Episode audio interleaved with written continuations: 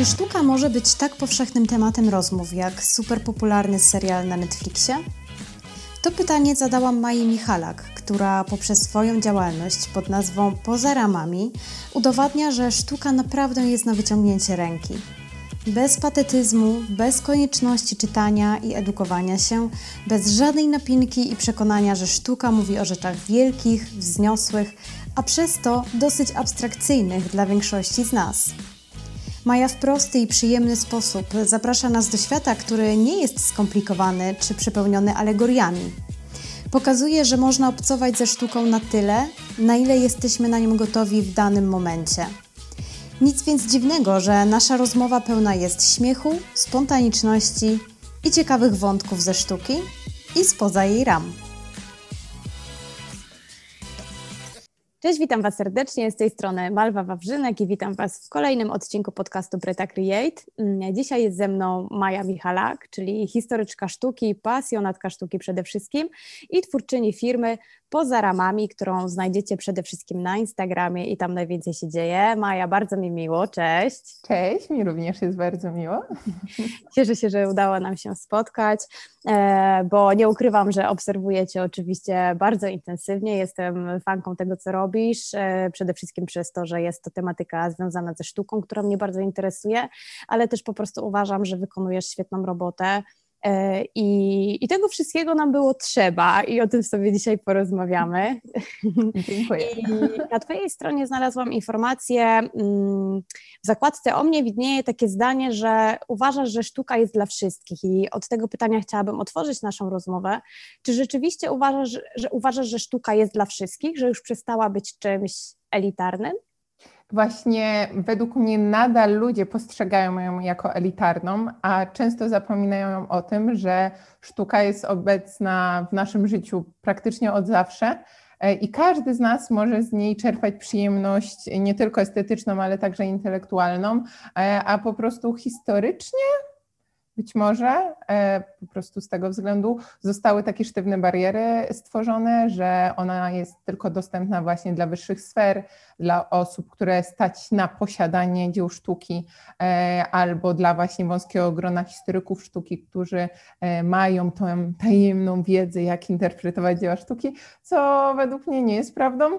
E, i każdy z nas może chodzić do muzeów, e, czytać książki o sztuce, e, kupować dzieła różnej jakości. Nie muszą być to dzieła za miliony, tylko po prostu takie, które będą sprawiały nam przyjemność. I dlatego ja często mówię właśnie o tym, że historia sztuki jest dla wszystkich i ja to udowadniam, mówiąc o sztuce w nieakademicki sposób, nie, nie, używając tysiąca dat, skomplikowanych słów i wymieniając po prostu ile nazwisk się tylko da, żeby pokazać, że ma się tą wiedzę. No dla mnie zupełnie nie o to chodzi i można to znacznie lepiej przedstawić, bardziej w taki sposób przyczynowo-skutkowy, e, pokazując, że historia sztuki ma e, związek z wieloma innymi dziedzinami, z, chociażby z ekonomią, z biologią, z socjologią, nie tylko właśnie takimi oczywistymi jak literatura, literatura, czy filozofia, czy religia, e, tylko jest naprawdę bardzo, bardzo obszerną e, nauką, e, z której fantastycznie można czerpać.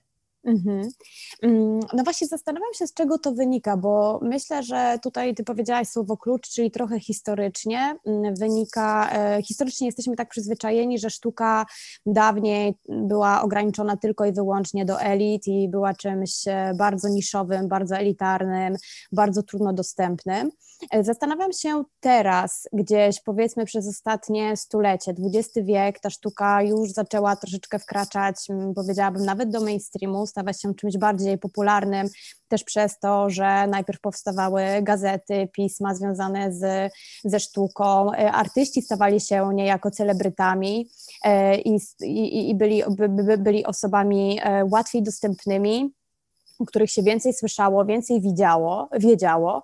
E, no i potem oczywiście końcówka XX wieku i to, co teraz się dzieje przez ostatnie 20-30 lat, czyli internet e, i tak naprawdę bardzo łatwa dostępność sztuki, też ogromna łatwość w podróżowaniu i w obcowaniu ze sztuką każdego rodzaju i każdego kalibru, z największymi dziełami sztuki.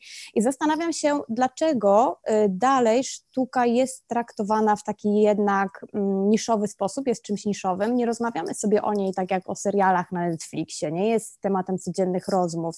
Mimo tego, że każdy z nas podróżuje i przypuszczam, że większość osób jednak chodzi do tych muzeów najsłynniejszych, żeby zobaczyć najsłynniejsze dzieła, jak myślisz, e, z czego wynika to w tym momencie teraz? Gdzie, gdzie są jakieś braki? Czy to są braki przede wszystkim w edukacji, w, w sposobie już mm, w szkolnictwie, gdzie tak naprawdę mamy gdzieś tam w liceum humanistyczne klasy mają przedmiot historia sztuki, ale jest traktowany też po macoszemu.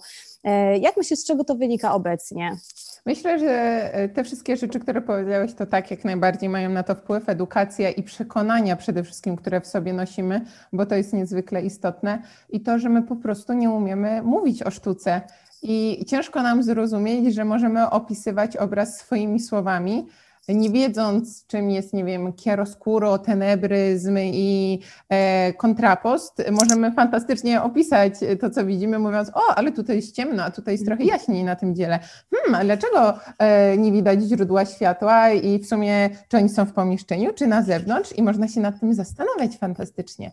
Ale kiedy ktoś nie da nam tak zwanego przyzwolenia na to, że możemy o sztuce mówić jak ludzie, a nie jak e, historycy sztuki, naukowcy e, i po prostu tylko zdaniami podrzędnie złożonymi mówić o obrazach, no to może być nam po prostu ciężko i możemy stwierdzić, nie, my jesteśmy za głupi na sztukę, bo ja też to często słyszę, że e, ja po prostu nic nie wiem, więc nie będę się wypowiadać. No nie, nie o to chodzi, zupełnie nie, ale właśnie trzeba trochę złamać tą granicę, bo jesteśmy nauczeni w szkole, że właśnie trzeba interpretować pod, pod klucz, i, i czym bardziej wymyślna interpretacja, tym lepiej. Nie no, co możemy powiedzieć, miał na myśli. Tak, o Boże, najgorsze w ogóle pytanie. Ale nie, nie możemy sobie powiedzieć, o, ładna pani jest na tym obrazie, całkiem niezły portret.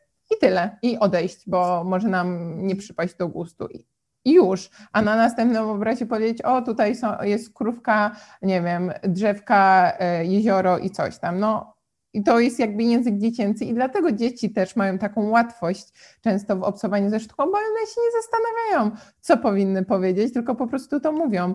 I e, właśnie ja często też zachęcam do tego, że jak ktoś widzi jakieś dzieło i nie ma pojęcia o co tam chodzi, mówię, to po prostu nazwij to, co widzisz, że hmm, tutaj jest dużo ciemnych kolorów.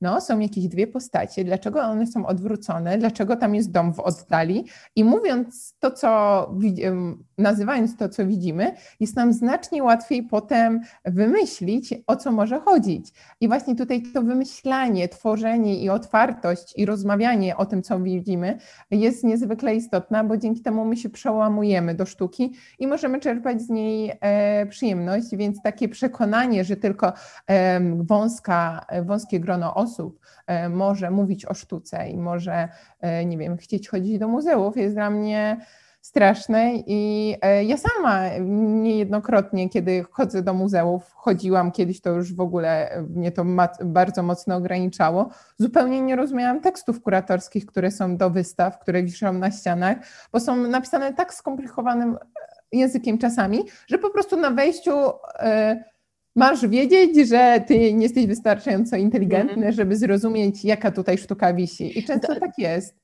Dokładnie, właśnie wydaje mi się, że ta sztuka jest tak związana z, nie, powiedzmy sobie, patetyzmem, z czymś, znowu z tą elitarnością, że niestety to dalej ciąży na, ogólnie na historii sztuki, na sztuce w ogóle, nawet tej najbardziej współczesnej, tej najbardziej niby dostępnej, którą mamy tak naprawdę na wyciągnięcie ręki.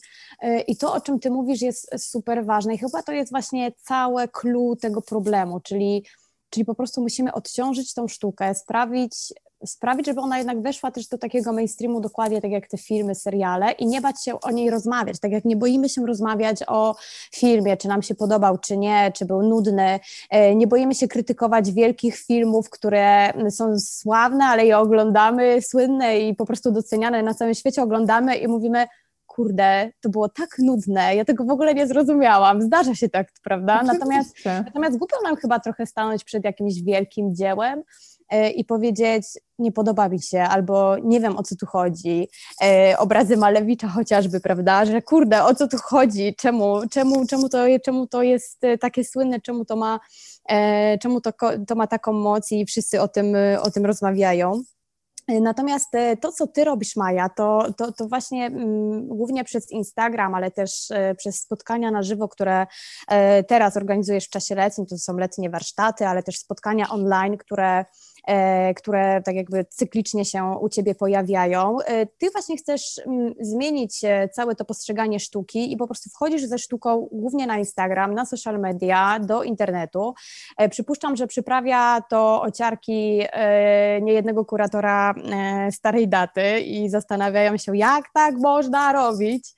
A no właśnie nie, wiesz? Bo e, bardzo długo to było moim największym ograniczeniem mhm. i ja ze dwa lata odkładałam to, żeby w ogóle coś zacząć w internecie. Mówię, Boże, co historycy sztuki sobie pomyślą o mnie? Mówię, że jestem jakąś wariatką, że pewnie w ogóle się nie znam, a dlaczego mam się wypowiadać i tak dalej.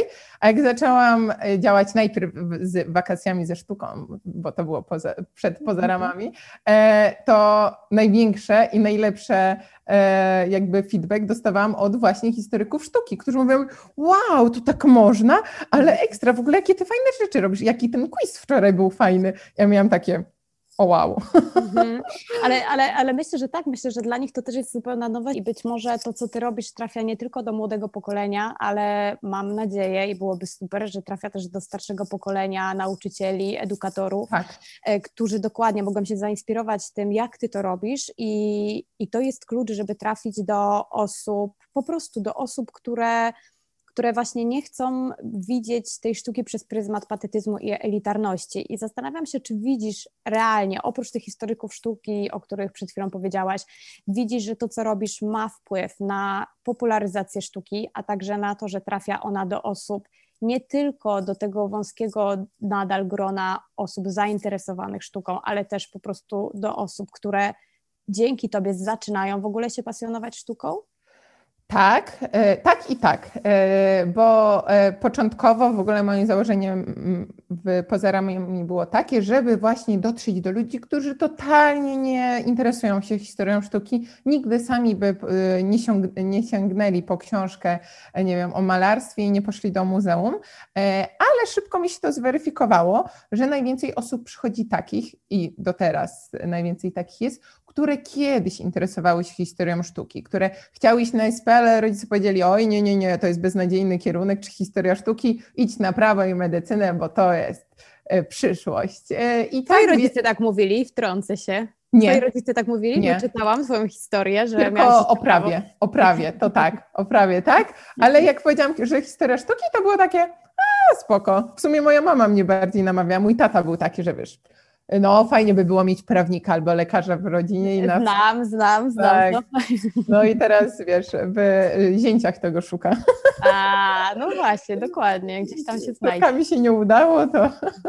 No, o, o, moi rodzice to samo, też obie córki poszły w abstrakcyjną bardziej stronę. No, tak, no właśnie. I e, tak się często dzieje i teraz dorośli ludzie, którzy pracują w korporacjach, są właśnie tymi prawnikami, lekarzami, przychodzą do mnie, bo mówią, Boże Maja, ja to tak kocham, a ja nic nie wiem na ten temat, albo wiem tylko trochę, a chciałabym e, być znacznie bardziej świadoma, świadomy.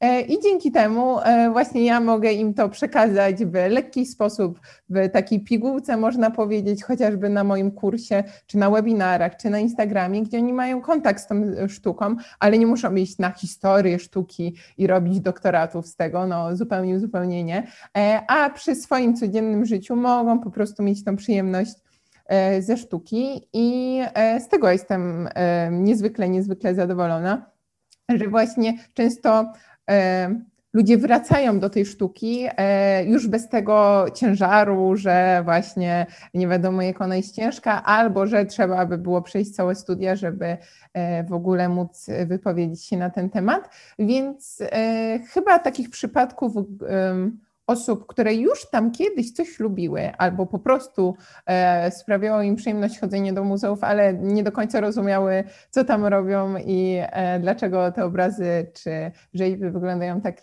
czy inaczej, e, no to właśnie mogą sobie odpowiedzi na te pytania e, teraz e, poszukać ze mną. Mhm. A jaki jest Twój pomysł na to, co robisz? Właśnie chcesz dotrzeć do osób, które mm, już się pasjonują i są na jakimś levelu, bo rozumiem, że ten level gdzieś tam musisz dostosować troszkę albo zróżnicować. Mhm.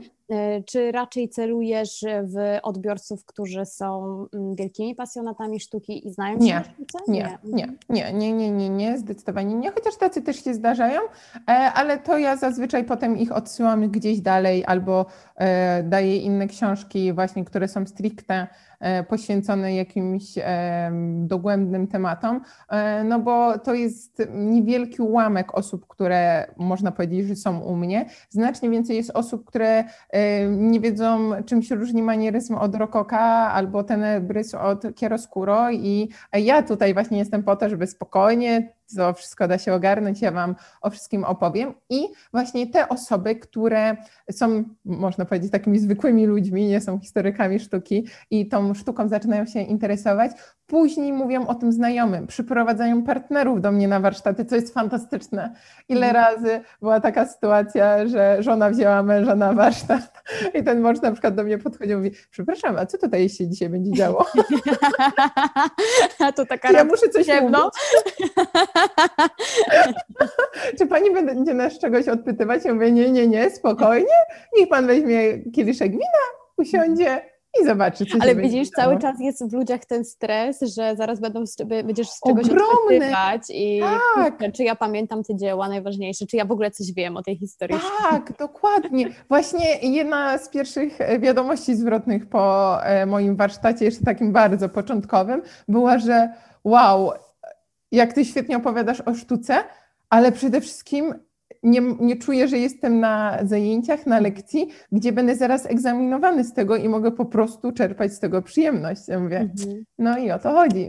Tak, dokładnie, dokładnie o to chodzi, żeby, żeby wyłączyć to myślenie, które mamy ze szkoły i zacząć, zacząć po prostu się cieszyć i obcować. Natomiast y, jeśli chodzi o to obcowanie, ja też przygotowując się do naszej rozmowy, przypomniałam sobie mm, moją wizytę w Louvre, no i oczywiście w Louvre Mm, ja w ogóle uważam, że w Lubrze najważniejsze są kobiety, bo y, akurat dzieła, które chyba są najsłynniejsze, to, to są kobiety. Dla mnie to jest Mona Lisa, Nikes Samotraki e, i Wenus. E, więc myśląc sobie o tej Monalizie, która jest miejscem najsmutniejszym chyba w całym Lubrze, nie wiem, czy masz podobne odczucia.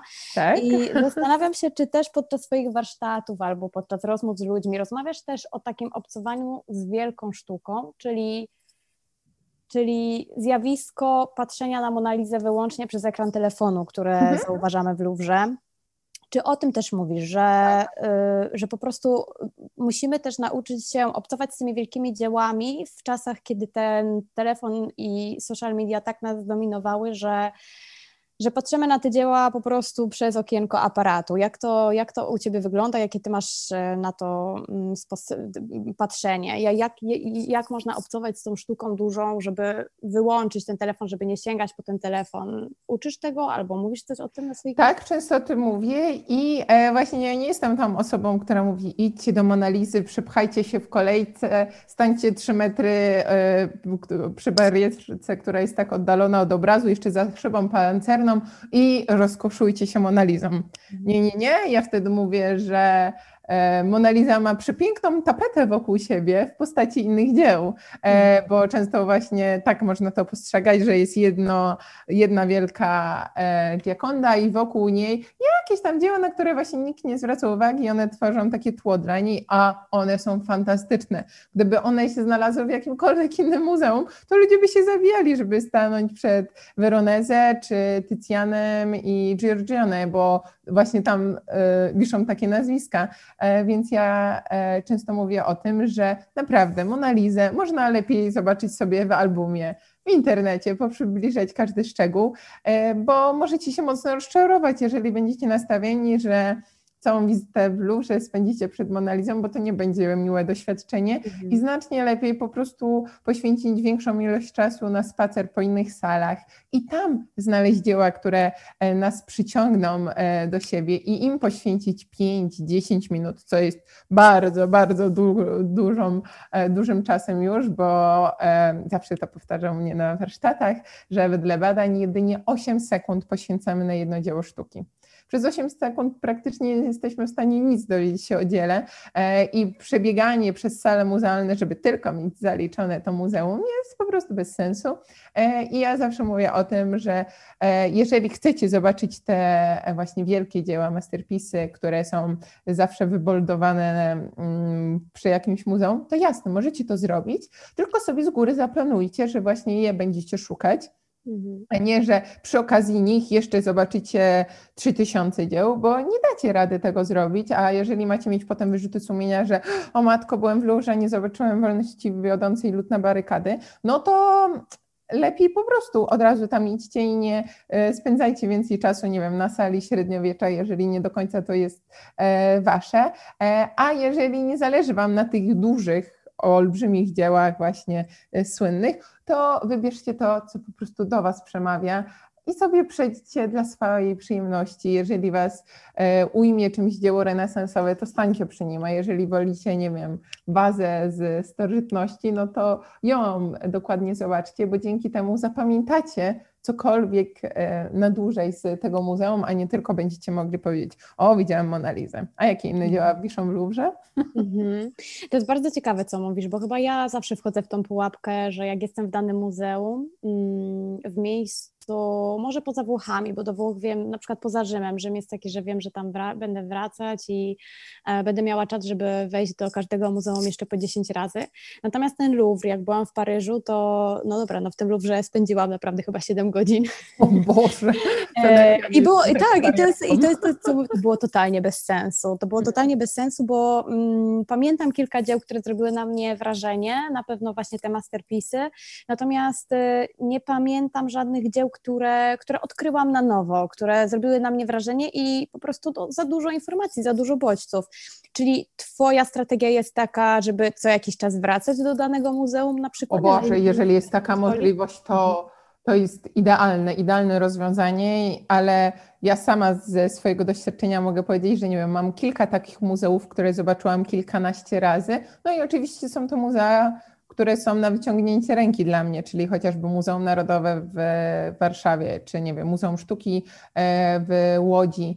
W tych muzeach po prostu byłam dziesiątki razy i już dla mnie nie ma problemu, żeby przejść sobie salą i pójść do ulubionego dzieła mm. i sobie przy nim postać i się porozkoszować, albo nie wiem, jak jestem z przyjaciółką, to żeby od razu pokazać jej te dzieła, e, które dla mnie są wyjątkowe, albo które jej akurat się spodobały i nie czuję obowiązku, żeby przy każdej wizycie pójść do Galerii Faras i pójść do ostatniej sali, nie wiem, w XIX czy w wieku, która może do końca mnie nie interesować. Mhm. E, więc to jest ogromny, ogromny komfort móc wracać do muzeum, mhm. ale oczywiście nie zawsze mamy na to możliwość. Więc e, ja jestem trochę hipokrytką mówiąc to, bo przez lata robiłam dokładnie to samo co ty, że po prostu jak wpadałam do jakiegoś muzeum, to się zajeżdżałam i e, tylko marzyłam o tym, żeby wyjść, napić się czegoś i żeby zjeść, bo już padałam na nogi.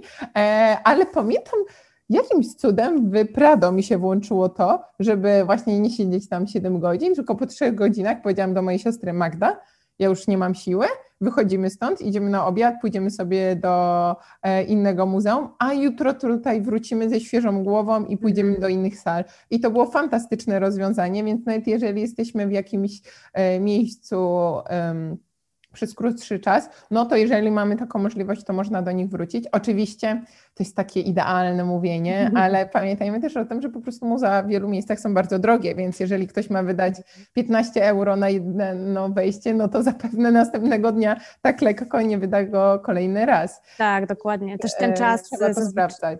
Tak, ten czas na wakacjach też jest zazwyczaj ograniczony, no tak. i musimy pamiętać, że obie mówimy trochę z perspektywy osób, które kochają sztukę i przypuszczam, że jednak nie każdy chciałby spędzić e, codziennie, każdy dzień wakacji w muzeum, oprócz nas pewnie. Nie nie wiem, co można innego robić.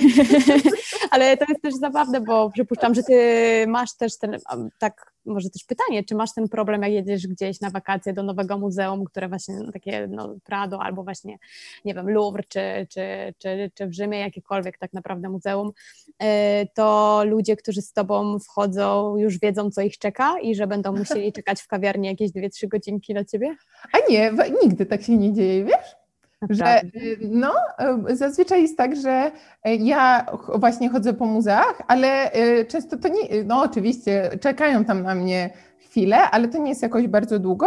I ja też nie lubię właśnie chodzić trzy godziny po muzeach, bo jestem strasznie zmęczona mhm. E, i jednak to zwiedzanie mocno męczy, więc e, ja jestem taka, że po prostu sobie usiądę czasami, czy postoję dłużej przy jakimś dziele, które mnie totalnie ujmie, ale mm, raczej tego tak nie przeginam e, i e, mam to szczęście może też, że po prostu osoby, z którymi podróżuję, lubią też sztukę i ja uwielbiam po prostu rozmawia, rozmawiać z ludźmi, z którymi jestem. Kiedy ja mówię można powiedzieć, fakty i rzeczy, o mm. których po prostu wiem, a inne osoby mówią to, co widzą i to, co czują. E, I w połączeniu właśnie tego też, co ja odczuwam przy jakimś dziele, no to jest fantastyczna mieszanka, e, która daje znacznie więcej. I e, ja nie jestem tą osobą, która mówi, OK, mamy przed sobą 150 dzieł, przy każdym musimy spędzić 10 minut.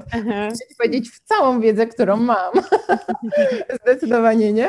E, raczej to jest tak, że właśnie jak sobie idziemy, to ja sobie e, oglądam i ktoś mówi, ej Maja, a dlaczego tutaj na obrazie, e, nie wiem, goi ta Maja jedna jest ubrana, a jedna naga? No i wtedy zaczynamy rozmawiać i ja dopiero wtedy mówię, ale rzadko kiedy jest tak, że mówię, nie, nie pójdziemy dalej, dopóki nie wysłuchasz wszystkiego, co mam Ci do powiedzenia. No tak, ale przypuszczam, że z Tobą wizyta w jakimkolwiek muzeum to w ogóle jest bardzo super, świetne przeżycie i bardzo dużo można się dowiedzieć, więc sama bym z Tobą spędziła tam tydzień, zamknęła się właśnie w takim lubrze i się dowiedziała wszystkiego.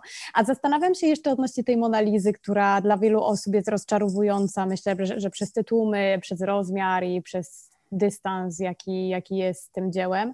E, jest jakieś dzieło wielkie, które cię rozczarowało? Hmm.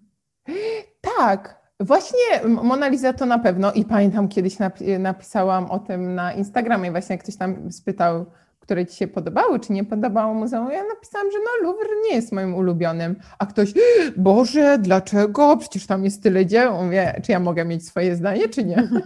No bo już nie wiem.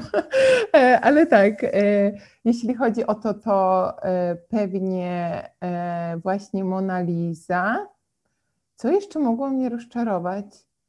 O, na pewno dzieła Daliego. O, to mhm. one dla, dla, mnie na żywo to są. Znaczy, ja w ogóle nie przepadam za Dalim, co jest pewnie też nie, dość niepopularną opinią, podobnie jak za Beksińskim. E, I e, na przykład, kiedy byłam w, chociażby właśnie w Muzeum Reiny Sofii w Madrycie, to tam znacznie więcej obrazów e, innych, mniej znanych hiszpańskich artystów mi się spodobało niżeli Dali, e, ale o, o, chociażby ogromne wrażenie i zaskoczenie było pierwszy raz była dla mnie Gernika, bo pomimo tego, że ja w podręcznikach czytałam, tak, to jest wielkie dzieło, to jest wielkie dzieło, to nigdy nie widziałam go na takim realnym zdjęciu. I jak weszłam do tej sali i zobaczyłam, że ono jest olbrzymie i po prostu jest na calusieńką ścianę, no to byłam totalnie, totalnie e, zaskoczona i wtedy też zdałam sobie bardziej sprawę, dlaczego ono jest tak istotne. Mhm. Więc e, to na pewno. O, Wiem. E, Filharmonia w Szczecinie. O, to, to, to musisz powiedzieć coś więcej. Bo e, dla mnie to była taka perełka, gdzie ja specjalnie, bo moja siostra jest architekt, architektką. Architektką, Kom, ale tak, to jest słowo. strasznie słowo. Ja zawsze chcę mówić w feminatywach to słowa, ale jest mi tak ciężko je wypowiedzieć. E, ale tak, zajmuję się architekturą i właśnie z trzy albo cztery lata temu na święta kupiłam jej, uwaga, bilet do Szczecina, lotniczy i we dwie poleciałyśmy do Szczecina. A wiecie, wcześniej e, zazwyczaj, nie wiem, latałyśmy tutaj do Oslo, do Berlina, gdzieś i lecimy do Szczecina. I w ogóle no, to była przygoda życia, ale właśnie specjalnie po to, żeby zobaczyć tam filharmonię, no bo dostała tyle nagród i w ogóle fantastyczna. Jak ja ją zobaczyłam na żywo, to miałam takie Mhm. Oj, zdecydowanie jest ona moim top jeden budynkiem w Polsce i chyba najbardziej przeszkadzał mi kontekst, w jakim ona jest umiejscowiona, bo tak, oczywiście kształtem miała wpisywać się w kamienice i budynki mieszkalne, które są wokół niej, ale dla mnie to ona po prostu wygląda jak z innego świata i chociażby jej elewacje totalnie różniące się od tego wszystkiego, no trochę mi nie pasowała, ale zmieniłam zdanie kolejnego dnia, jak e, udało nam się zdobyć bilety na jakiś koncert noworoczny, który wtedy był e, i dopiero wewnątrz ona była dla mnie wow i w ogóle jak świetnie zaprojektowane rozwiązania i tak dalej, ale z zewnątrz e, nie zrobiła na mnie tak mhm. dobrego wrażenia i trochę podobnie niestety właśnie Muzeum w Lizbonie mat, e, które dla mnie też było właśnie jak wieża Eiffla czy opera w Oslo. Po prostu ja specjalnie pojechałam mhm. tam, żeby zobaczyć e, to muzeum, e, a nie było dla mnie tak właśnie zniewalające, szczególnie wystawa w środku, bo o właśnie, wystawa tam w ogóle w Lizbonie nie ma takich perełek dzieł, nie ma, ja nie jechałam do Lizbony tak jak chociażby do innych miejsc, że ja wiedziałam, że tam są wielkie dzieła, więc to na pewno chcę zobaczyć i przy okazji inne. Tylko ja naprawdę musiałam się nagimnastykować, żeby wyszukać takie muzea, w których e, mogłybyśmy zobaczyć coś więcej i Tomat e, właśnie miała taką wystawę bardziej jak, nie wiem, można porównać to do naszego MSN-u czy Zachęty, gdzie to jest po prostu sztuka e, aktualna, która odpowiada na problemy społeczne. I jasne, ona też jest mm, interesująca, ale mm, brakowało mi tam właśnie takich naprawdę super dzieł że nie mhm. tylko instalacji i tak dalej. Mm, tak, e, myślę, że ja akurat się wybieram we wrześniu do Portugalii pierwszy raz, natomiast um, chyba wiem o co Ci chodzi, że Lizbona i Porto, w ogóle Portugalia też się kojarzy, to jest trochę taka inna Hiszpania i mamy tam też dużo, mm, dużo pięknych dzieł, natomiast one chyba są bardziej w architekturze miasta tak. i gdzieś tam podświadomie myślimy, że w takim razie dzieła malarskie, to takie bardziej mhm. tradycyjne malarskie e, dzieła sztuki też na pewno się tam znajdują, a ich rzeczywiście tam nie ma. Tak, architektura fantastyczna w ogóle, styl manueliński, w ogóle, no i architektura taka mieszkalna, no fantastycznie, do podziwiania, do po prostu chłonięcia klimatu i atmosfery miasta, niżeli właśnie stricte dochodzenia po muzeach. Oczywiście można to zrobić, e, ale raczej nie nastawiając się, że będziemy mieć taki tur jak po Madrycie chociażby, mm -hmm. czy po Rzymie. No, mm no tak. A jeszcze chciałam Cię zapytać o mm, taką, taki wątek, e, bo wydaje mi się, że my Polacy oczywiście e, klasycznie cudze chwalimy, swego nie znamy i czy jest tak, e, widzisz taką tendencję, że bardziej zachwycamy się tą sztuką zagraniczną, tymi wielkimi dziełami, a naszą, naszą sztukę traktujemy trochę po macoszemu i jej nie doceniamy? Trochę tak, tak. Na pewno. E, co zobaczyłam najlepiej ostatnio, dosłownie kilka dni temu, będąc z przyjaciółką w muzeum, i wychodzimy, i ona mówi do mnie: Maja, jakie tu są super dzieła, w ogóle fantastyczne. E, a dlaczego. E, nie, i pomimo tego, że nie było tutaj europejskich nazwisk, to mi się podobało i były fajne dzieła. Wie, ej, halo, jakby nie potrzeba tutaj zagranicznych nazwisk, żeby ta sztuka była super i żeby rzeczywiście było e, czym się zachwycać, e, tylko my po prostu nie wiem, dlaczego też tak mało mówimy o naszych polskich artystach, albo właśnie mówimy tylko o nim w tym zamkniętym gronie. I e, jeśli już to więcej właśnie informacji dociera do nas o tych wielkich? Nie wiem. Mhm. Ja się na tym chwilę zastanawiałam przed naszą rozmową no. i um, zastanawiam się, czy to nie wynika, przynajmniej u mnie, bo ja mam e, duży problem z polską sztuką. Mm, są wystawy, pamiętam, że kilka lat temu w Krakowie była świetna wystawa Wyspiańskiego mhm. i po prostu no, rzeczywiście można było tam spędzić dwie, trzy godziny z wielką przyjemnością.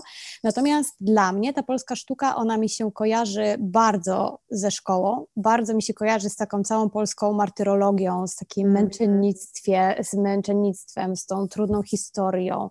I dla mnie ta sztuka jest bardzo nostalgiczna i bardzo smutna. Tak, bo e, właśnie do takich przykładów polskiej sztuki jesteśmy przyzwyczajeni. No bo przecież te e, przykłady idealnie pasują do podręczników od polskiego, od historii, żeby tutaj na maturze coś e, właśnie zahaczyć o sztukę, to właśnie tak, żeby po prostu dołożyć nam i żebyśmy po prostu się umartwiali i tylko na smutno i nie mówimy o polskich kolorystach, o e, fantastycznych pejzażystach czy luministach i osobach, które tworzyły e, portrety i o tym mniej trochę wspominamy, no bo nie ma tutaj kontekstu, jak to z jakąś ciężką sytuacją powiązać. Nie no, trochę pół żartem, pół serio to mówię, mm -hmm. ale dobrze na to zwróciłaś ale uwagę. Ale wydaje mi się, że tak jest, no? że, że naprawdę tak jest i e, no, po prostu ta polska sztuka mi się kojarzy z tym najsmutniejszym okresem w naszej historii, niestety, e, albo z jakimiś dramatycznymi wcześniejszymi wydarzeniami. E, Rejtan z koszulą rozpiętą i po prostu i tak dalej, i tak dalej. Natomiast masz jakiś pomysł, z czego jeszcze może to wynikać teraz? Czy to jest kwestia tego, że muzea trochę nie mają pomysłu na to, jak przedstawić tą sztukę, jak zachęcić do oglądania tej sztuki? Może tak i może właśnie w muzeum się wydaje, że tylko trzeba e, podnosić te super ciężkie, trudne tematy i żeby rzeczywiście to nie była sztuka dla sztuki, żeby po prostu pokazać piękne dzieła, które mogą e, przyciągnąć większe grono publiczności, bo wtedy się mówi, że o, że to jest właśnie pod publikę, albo że mm, to jest wystawa dla osób, które na sztuce się nie znają, a według mnie jedno z drugim zupełnie się nie wyklucza. I można fantastycznie przedstawić e, właśnie sztukę, która jest kolorowa, pełna optymizmu, radości, która pokazuje, jak Polacy wywierali wpływ na nurty e, i kierunki europejskie. To chociażby, że u nas w Polsce, w Łodzi powstało e, pierwsze w Europie i drugie na świecie, na świecie Muzeum Sztuki Nowoczesnej. I mało osób o tym wie, że artyści z, całego, z całej Europy przysyłali dzieła do Strzemińskiego, Kobro, Starzewskiego, całej grupy R. I nie wiem, e, Strzemiński wymieniał się obrazem z Arpem, Picasso przy, e, przysyłał do nas dzieła, czy Theo van der Roosburg, żeby wspierać inicjatywę tak fantastycznej kolekcji, a wiele osób może sobie nie zdawać z tego sprawy, więc wydaje mi się, że po prostu tutaj po raz kolejny edukacja jest niezwykle istotna i to, żeby muzea połączyły siły i żeby po prostu tworzyć fantastyczne wystawy czasowe, bo nie wiem, czy miałaś okazję zobaczyć wystawę Polska Siła Obrazu. Nie, nie, nie, niestety. Ona była e, od e, stycznia, grudnia zeszłego roku prezentowana w Muzeum Narodowym w Warszawie, ale ona przyjechała do nas z Louvru, ale z tego Louvru Blanc, e, która była właśnie mm, robiona przez kuratorów francuskich, jak i polskich we współpracy. I we Francji cieszyła się bardzo dużym powodzeniem, i u nas w Polsce też, w ogóle fantastycznie. I przepięknie i bardzo dobrze moim zdaniem było właśnie e, pokazane, jak E, w Polsce e, to malarstwo oddziaływało na historię. I oczywiście był ten Matejko, Rodakowski i inne e, wielkie nazwiska, które jednak poruszają te trudniejsze tematy, ale był też chociażby właśnie Wyspiański, Fałat, Józef Mechofer, Pankiewicz, Podkowiński, czyli artyści, którzy naprawdę przedstawiali przepięknie polską naturę, wieś, w ogóle taki klimat bardziej ludowy i ona była bardzo, bardzo moim zdaniem dobrą wystawą i wiele osób, na, z którymi na nią poszłam, było zachwyconych, że można tak przedstawić właśnie polskie malarstwo e, i to, o czym mówisz, więc po prostu życzę nam więcej takich dobrych wystaw e, które e, będą bardziej otwierały nas na to, co mamy. Mhm. A jak w ogóle oceniasz jakość, poziom polskich muzeów sztuki? W większości dobrze. I e, właśnie często to powtarzam, że my nie doceniamy trochę muzeów narodowych czy wielkich muzeów, które mamy. I ja nieustannie dostaję pytania, przyjeżdżam do Warszawy, jakie muzeum mam zobaczyć? I wiecie, i wiesz, najczęściej ludzie pewnie oczekują e, odpowiedzi, że im podam jakieś muzeum, o którym nikt nie wie, galerię po prostu e, schowaną nie wiadomo gdzie i tak dalej i że tam po prostu zobaczą fantastyczną sztukę, a ja mówię, idźcie po prostu do Muzeum Narodowego i tam macie kilkanaście sal, które są fantastyczne i sobie wybierzcie po prostu sztukę, która Wam odpowiada i poświęćcie na nią czas, albo pójdźcie do zachęty, jeśli jesteście gotowi na trochę bardziej niestandardowe doznania, czyli po prostu to co w sztuce się dzieje teraz, do Muzeum Sztuki nad Wisłą, czy w Krakowie właśnie chociażby sukiennice, zawsze po, powtarzam e, i mówię to o muzeum jako pierwsze, bo one są idealne dla osób, które sztukę lubią, ale nie chcą spędzać w muzeum 7 godzin, bo sukiennice są super tak na półtorej godzinki mm -hmm. i zobaczysz tam bardzo dobre dzieła e, i się nie zmęczysz i możesz potem pójść na kawę, na spacer po prostu po rynku e, i to jest właśnie fajne, żeby pokazywać, że sztuka może być fajnym elementem naszego życia codziennego i że możemy wchodzić tak po prostu do muzeum, jak nie wiem, mamy godzinę wolną a nie iść, nie wiem, chociażby do galerii handlowej czy gdzieś, bo tam też e, możemy fantastycznie spędzić e, czas. Więc tak, wracając do Twojego pytania, uważam, że my w Polsce mamy dobre zbiory. E, i e, że powinniśmy z nich e, korzystać. Mhm. A jedno to dobre zbiory, a drugie to właśnie takie drobne rzeczy, które budują tak naprawdę całą wystawę, czyli chociażby wstęp do wystawy, wstęp kuratorski, w ogóle rozmieszczenie tych obrazów, cała mm, cały panel informacyjny, który też towarzyszy każdej wystawie. Czy to oceniasz dobrze, że to jest dla ludzi tak naprawdę, właśnie dla, trochę też dla laików, którzy przychodzą po raz pierwszy być może do muzeum? Ostatnia wystawa, na której byłam, czyli Anna e, Bilińska, która jest teraz w MNW, e, to tam opisy są bardzo dobre, są tak, pro, znaczy tak proste, są po prostu dla ludzi, że się czyta i od razu wie się o co chodzi, ale chociażby, nie wiem, Muzeum Sztuki w Łodzi, ja przez lata nie umiałam czytać książek z tego muzeum, a mam ich z 15, bo ja po dwóch zdaniach musiałam się zatrzymywać i czytać jeszcze raz, bo nie wiedziałam, czy do końca e, jest, chodzi o to, o czym ja myślę.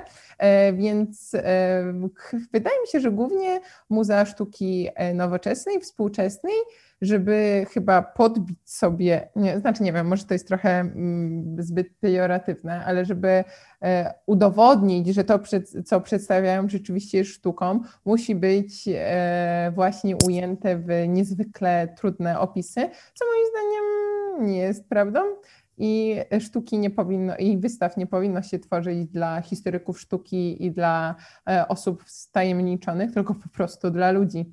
Więc jeżeli chociaż w większości muzeów to myślenie przeskoczy na taki tryb, co już się dzieje oczywiście, to będzie fantastycznie. Mhm.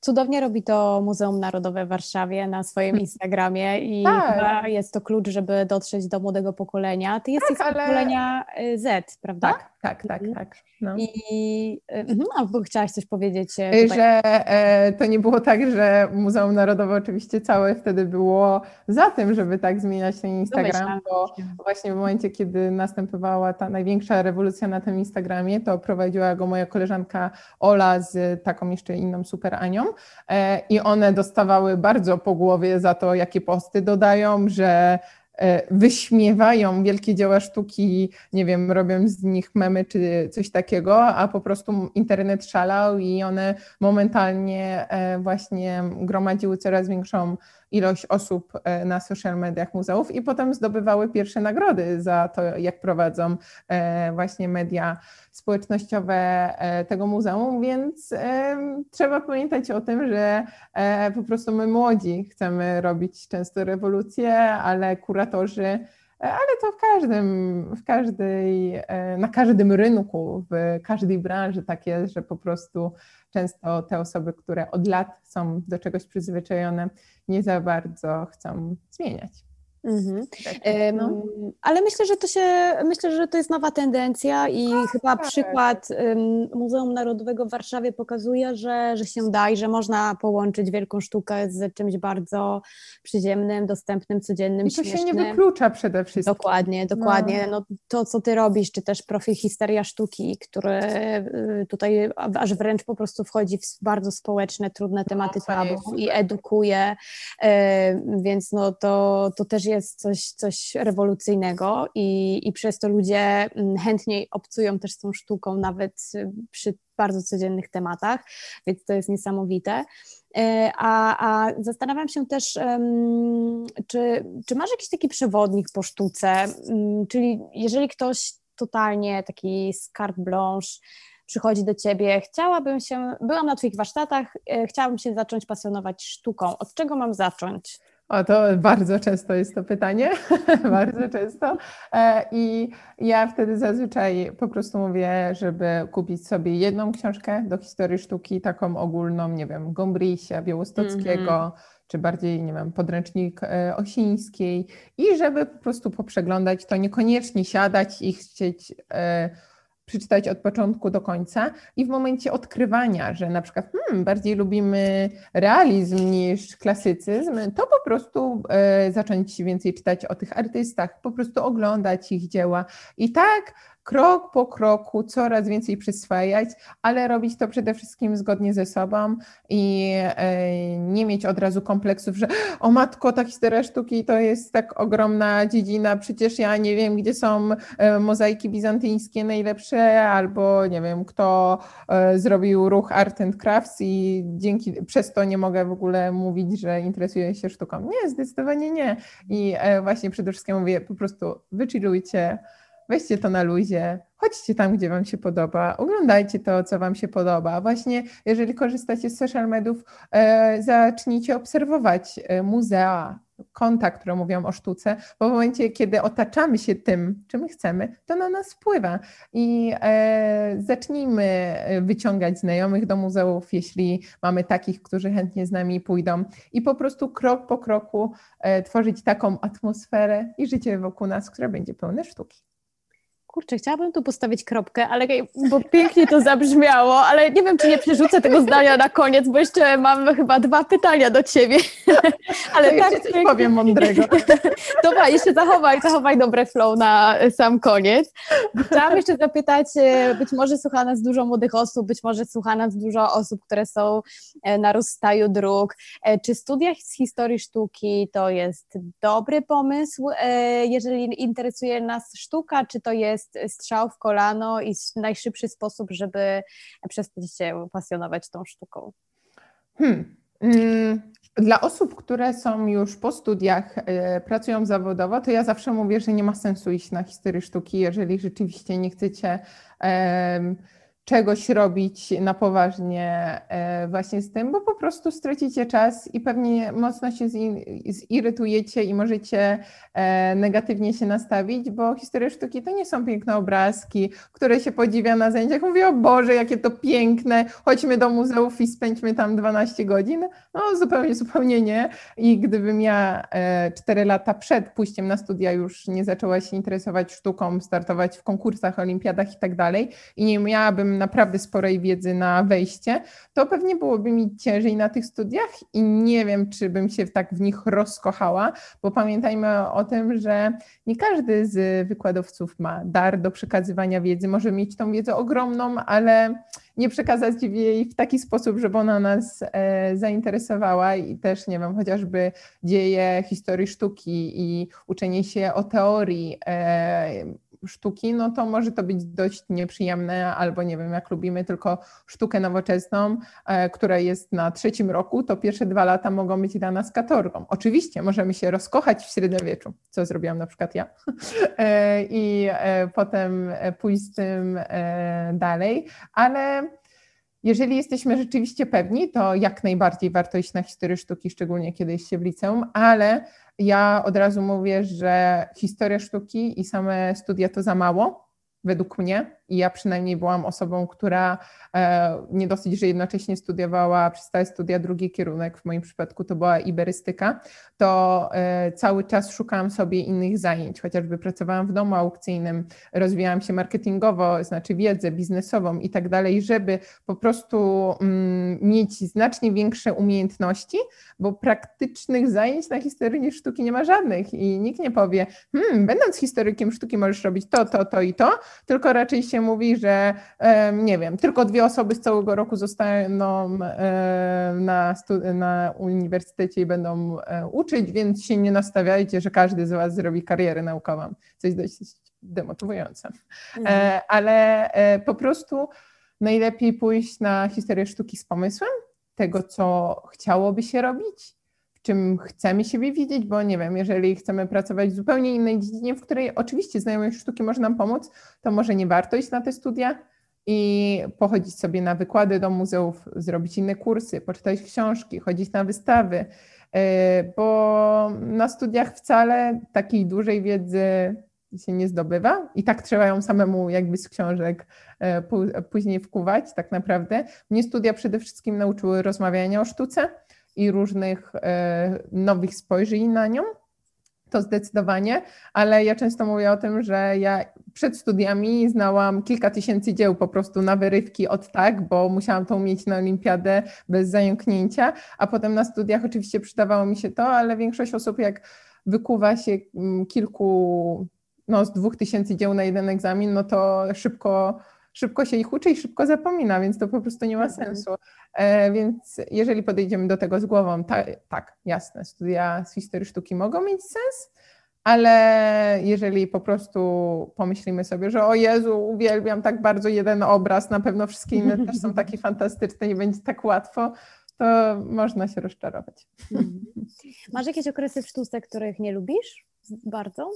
E, ekspresjonizmu niemieckiego za bardzo nie lubię, to na pewno. E, socrealizmu nie lubię, modernizmu takiego naszego polskiego, też czasów PRL-u też za bardzo nie lubię. Jesteś e, bardziej tą taką renesansową dziewczyną, e, jeśli chodzi o sztukę? Czy... A nie, to ja kocham i renesans, i barok, i w hmm. romantyzmie w XIX wieku znajdę swoje ulubione dzieła. Ja właśnie często o tym mówię, bo ty jesteś pierwszą osobą, przynajmniej jedną z pierwszych, która w podcaście nie zapytała mnie o ulubione dzieło albo epokę, tylko to, czego nie lubię.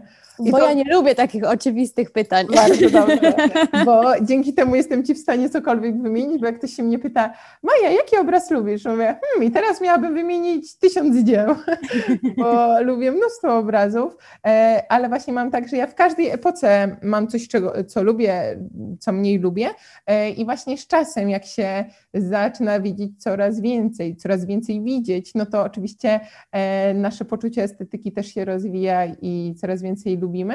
I tak samo jest w architekturze. Ja niektórych form mogę nie lubić, a nie, za niektórymi e, po prostu szaleję i uwielbiam i zarówno tak samo zachwycam się średniowiecznymi katedrami w Hiszpanii, jak i, nie wiem, najnowszymi budynkami e, architektów, którzy teraz tworzą i dla mnie to zupełnie się nie wyklucza, a wręcz przeciwnie. Super. To masz jakieś zdanie na zakończenie, żebyśmy tak ładnie zakończyły?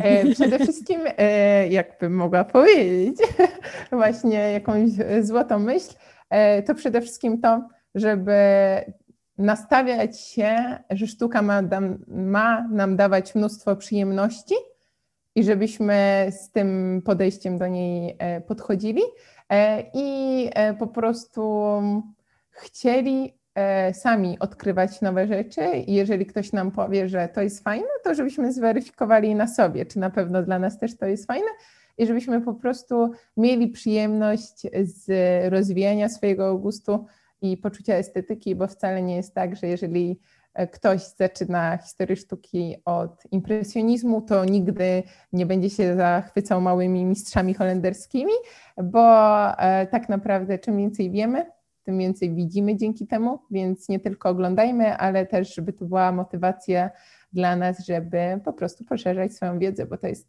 mnóstwo przyjemności, naprawdę. Super. I też nie traktujmy tej sztuki z patetyzmem. Dokładnie. My na początku nie bójmy się tej sztuki. E, super, Maja, bardzo, bardzo Ci dziękuję za bardzo przyjemną rozmowę. No, dla mnie e, super przyjemna rozmowa. E, nie mogę się doczekać, kiedy się zobaczymy na żywo i będziemy mogły pójść na kawkę i porozmawiać, albo pójść do jakiegoś muzeum i no. tam po prostu spędzić kilka dobrych godzin albo dni. Maja, bardzo dzięki i, i co, jesteśmy na pewno w kontakcie i być może jeszcze do usłyszenia w takim do razie usłyszenia. w czasie. Dzięki. Dzięki. Jeśli podobała Ci się nasza rozmowa, śledź projekt Preta Create tutaj, na Instagramie, na Facebooku i w świecie realnym. W Preta Create tworzymy kreatywne szkolenia i warsztaty, nagrywamy podcasty i rozmawiamy z ludźmi z szeroko pojętej branży kreatywnej w Polsce. Przyłącz się do nas i rozwijaj ten projekt razem z nami.